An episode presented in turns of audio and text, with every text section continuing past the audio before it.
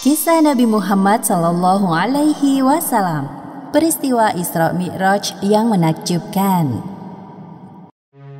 Peristiwa Isra Mi'raj disebutkan dalam Al-Quran Surat Al-Isra ayat 1 Surat An-Najm ayat 13 hingga 17 Juga di beberapa hadis. Arti kata Isra adalah perjalanan Nabi Muhammad Sallallahu Alaihi Wasallam dari Masjidil Haram ke Masjidil Aqsa. Sedangkan arti dari Mi'raj yaitu kelanjutan dari perjalanan Nabi untuk naik ke Sidratul Muntaha, langit yang tertinggi. Tatkala Nabi Muhammad Shallallahu Alaihi Wasallam sedang berada di suatu tempat bernama Al-Hijr, beliau didatangi oleh malaikat Jibril. Jibril hendak mengajak Nabi ke sumur Zam-Zam yang terletak tidak jauh dari Ka'bah. Di tempat inilah Jibril membelah dada Nabi Muhammad untuk kedua kalinya. Dahulu ketika beliau masih berusia 4 tahun, Jibril pernah melakukan hal yang sama. Wahai Nabi, tenangkan dirimu dan berbaringlah. Aku akan mensucikan hati dan jiwamu. Pembelahan dada Nabi kali ini dilakukan sebagai persiapan untuk bertemu dengan Allah Subhanahu wa Ta'ala. Segala prasangka buruk yang tersimpan dalam hati beliau, meskipun hanya secuil, harus dibersihkan terlebih dahulu. Ketika dirasa telah cukup, Jibril mengembalikan keadaan seperti semula, seolah-olah tidak terjadi apa-apa. Ketika Nabi membuka mata, beliau melihat ada seekor hewan menyerupai kuda, lengkap dengan pelana dan tali kekangnya. Hewan bernama buruk tersebut terakhir ditunggangi Nabi Isa sekitar 500 tahun yang lalu. Kecepatan buruk sejauh kedua mata memandang. Wahai buruk, sebaik-baik orang yang menunggangimu adalah Muhammad. Engkau sungguh beruntung kali ini. Nabi Muhammad duduk di punggung buruk melewati Masjidil Haram menuju Masjidil Aqsa di Palestina. Jibril mengajak Nabi untuk sejenak melupakan kota Mekah yang penuh masalah.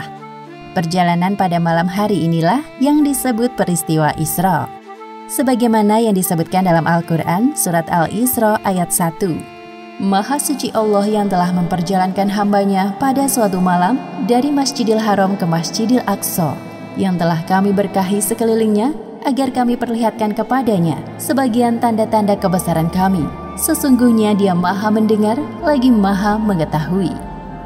Buruk melesat dengan kecepatan tinggi. Sesampainya di Masjidil Aqsa, Nabi menambatkan buruk di sebuah besi dan berjalan memasuki masjid. Lalu beliau sholat dua rakaat. Selepas sholat, Malaikat Jibril membawa dua buah minuman ke hadapan Nabi Muhammad. Gelas pertama berisi khamer dan satunya berisi susu. Wahai Muhammad, pilihlah salah satu di antara dua minuman ini. Ternyata Nabi Muhammad mengambil gelas yang berisi susu. Wahai Muhammad, engkau telah memilih sesuai fitrah.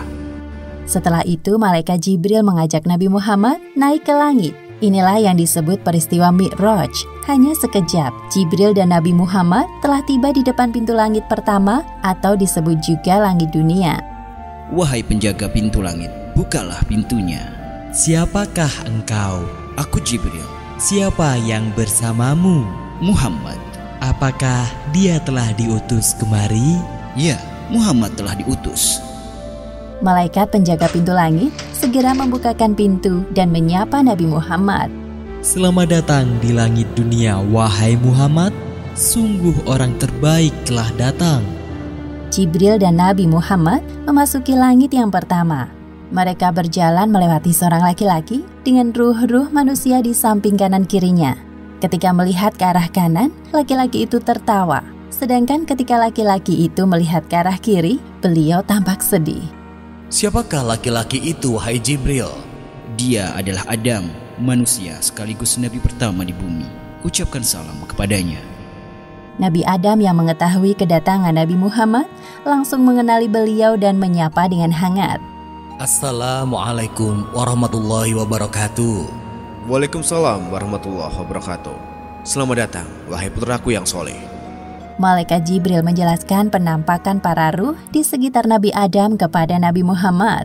Para ruh sebelah kanan beliau adalah ruh para syuhada, sedangkan ruh yang berada di sebelah kiri beliau adalah ruh orang-orang yang sengsara. Selain itu, Nabi Muhammad juga diperlihatkan azab bagi orang yang gemar memakan harta anak yatim. Selanjutnya, Jibril mengajak Nabi Muhammad untuk naik ke langit kedua. Jibril kembali meminta izin kepada malaikat penjaga pintu langit. Terjadi percakapan yang sama seperti sebelumnya. Sungguh tamu terbaik telah datang. Di langit kedua ini, Nabi Muhammad bertemu dengan Nabi Yahya dan Nabi Isa. Jibril mengingatkan Nabi Muhammad untuk menyapa keduanya. Assalamualaikum warahmatullahi wabarakatuh. Waalaikumsalam warahmatullahi wabarakatuh. Selamat datang wahai Nabi Muhammad yang saleh. Semoga kebaikan selalu tercurahkan kepadamu. Kemudian Jibril mengajak Nabi Muhammad untuk naik ke langit ketiga. Di sana mereka bertemu dengan laki-laki yang sangat indah parasnya. Wahai Muhammad, inilah Nabi Yusuf. Sapalah beliau. Assalamualaikum wahai Nabi Yusuf. Aku Muhammad. Waalaikumsalam. Ya, aku telah mengenalmu, wahai Nabi Muhammad. Semoga engkau selalu diliputi kebahagiaan. Lalu mereka naik ke langit keempat dan bertemu dengan Nabi Idris. Ternyata Nabi Idris telah mendengar tentang Nabi Muhammad dan mendoakan kebaikan untuk beliau. Selamat datang wahai saudaraku yang solih, Nabi yang salih. Semoga engkau selalu dilimpahkan kesehatan untuk berdakwah kepada umatmu. Selanjutnya, Jibril dan Nabi Muhammad melanjutkan perjalanan menuju langit kelima. Di sana Nabi Muhammad melihat Nabi Harun dan menyapanya. Nabi Harun menyambut beliau dan mengakui kenabian Muhammad. Ketika sampai di langit keenam, Nabi Muhammad melihat sosok Nabi Musa. Nabi Musa membalas salam dan mengakui kenabian beliau. Namun tiba-tiba Nabi Musa menangis. Jibril yang penasaran bertanya kepadanya, Wahai Musa, mengapa engkau menangis? Aku menangis karena ternyata ada nabi yang diutus setelahku, tapi umatnya lebih banyak yang masuk surga dibandingkan umatku. Setelah berpamitan dengan Nabi Musa, Jibril mengajak Nabi Muhammad untuk naik ke langit ketujuh. Di sana mereka bertemu dengan Nabi Ibrahim. Ya Rasulullah, ini adalah Nabi Ibrahim, bapak para nabi. Selamat datang wahai cucuku yang saleh. Senang sekali berjumpa denganmu. Wahai Muhammad, sampaikan kepada umatmu salam dariku. Katakan kepada mereka bahwa surga itu nyata. Tanahnya subur, ada beraneka ragam tanaman tersedia untuk memanjakan mata dan lidah mereka. Semua hal yang mereka inginkan tersedia di surga. Di langit ketujuh inilah Nabi Muhammad diperlihatkan surga. Beliau masuk ke dalamnya dan tidak berhenti untuk bertasbih memuji kebesaran Allah Subhanahu wa taala. Subhanallah, Maha Suci Allah. Seusai berkeliling surga, tibalah saatnya bagi Nabi Muhammad untuk naik ke Sidrotul Muntaha. Pada momentum ini, Jibril menampakkan wujud aslinya sebagai malaikat. Wahai Rasulullah, sebentar lagi engkau akan bertemu dengan sang penciptamu. Namun, aku tidak bisa mengantarmu. Sebagaimana yang disebutkan dalam Al-Quran Surat An-Najm ayat 13 hingga 18. Dan sesungguhnya Muhammad telah melihat Jibril itu dalam rupanya yang asli pada waktu yang lain, yaitu di Sidrotil Muntaha. Di dekatnya ada surga tempat tinggal. Muhammad melihat Jibril ketika Sidrotil Muntaha diliputi oleh sesuatu yang meliputinya. Penglihatannya, Muhammad tidak berpaling dari yang dilihatnya itu dan tidak pula melampauinya. Sesungguhnya dia telah melihat sebagian tanda-tanda kekuasaan Tuhannya yang paling besar. Tiba-tiba Nabi Muhammad dinaikkan lagi menuju Allah Subhanahu wa taala. Tubuhnya mendekat kepadanya dalam jarak yang tidak jauh. Namun Nabi Muhammad tidak dapat melihat Allah Subhanahu wa taala secara langsung. Beliau melihat Allah Subhanahu wa taala dengan hatinya. Pada saat itulah Allah Subhanahu wa taala mewajibkan hambanya untuk sholat 50 kali sehari semalam. Setelah Nabi Muhammad menerima tugas dari Allah Subhanahu wa taala, beliau turun.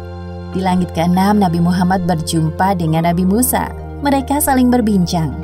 Wahai Nabi Muhammad, apa yang Allah perintahkan kepadamu? Sesungguhnya Allah Subhanahu wa taala mewajibkan kepada umatku untuk sholat 50 kali sholat sehari semalam. Kembalilah wahai Muhammad, mintalah keringanan kepada Allah. Aku yakin umatmu akan keberatan dengan hal ini. Nabi Muhammad mulai berpikir dan meminta pendapat Jibril. Sedangkan Jibril menyetujui apa pun keputusan Nabi. Akhirnya Nabi Muhammad kembali naik untuk menghadap Allah. Nabi Muhammad meminta keringanan untuk umatnya. Maka Allah Subhanahu wa taala meringankannya menjadi 10 waktu sholat. Kemudian Nabi Muhammad kembali ke langit keenam dan bertemu dengan Nabi Musa. Mendengar jawaban dari Nabi Muhammad, Nabi Musa menyuruh beliau untuk meminta keringanan lagi. Kembalilah kepada Robmu. Aku sangat yakin umatmu tidak akan sanggup melakukannya. Nabi Muhammad kembali menghadap Allah Subhanahu wa Ta'ala. Lalu Allah Subhanahu wa Ta'ala meringankan menjadi lima kali waktu sholat. Nabi turun lagi ke langit keenam di sana Nabi Musa telah menunggu Nabi Muhammad. Nabi Musa kembali menyarankan beliau untuk kembali meminta keringanan kepada Allah Subhanahu wa taala. Wahai Nabi Musa, aku telah malu kepada Robku. Aku rela dengan keputusan ini. Kemudian Nabi Muhammad berpamitan dengan Nabi Musa dan meneruskan perjalanan. Ketika itu terdengar suara dari langit. Wahai Muhammad, engkau telah menyetujui farduku dan aku telah memberikan keringanan untuk para hambaku. Perintah sholat lima waktu nilai pahalanya sama seperti 50 waktu dalam sehari semalam. Allah subhanahu wa ta'ala sangat menyukai ibadah sholat karena membuat umatnya terus ingat kepadanya. Serangkaian perjalanan Isra Mi'raj Nabi Muhammad akhirnya usai. Setibanya di Masjidil Aqsa, Malaikat Jibril menghadirkan para ruh nabi-nabi terdahulu untuk menjadi makmum sholat Nabi Muhammad. Setelah itu, Nabi Muhammad naik ke punggung buruk untuk kembali ke Mekah dan tiba di sana sebelum pagi hari. Demikianlah akhir kisah peristiwa Isra Mi'raj yang menakjubkan. Hikmah yang dapat kita ambil dari kisah ini di antaranya, pertama, peristiwa Isra Mi'raj merupakan sebuah penghormatan dan penghibur bagi Nabi Muhammad setelah ditimpa ujian yang bertubi-tubi, seperti ditinggalnya Abu Talib, Khadijah, penyerangan penduduk Taif. Namun beliau berhasil melewati semua itu dengan sabar dan tawakal. Kedua, hendaknya kita bergegas melaksanakan sholat ketika telah masuk waktu, karena Nabi Muhammad telah meminta keringanan kepada Allah Subhanahu wa Ta'ala untuk sholat hanya lima kali sehari semalam. Wallahu alam bisawab.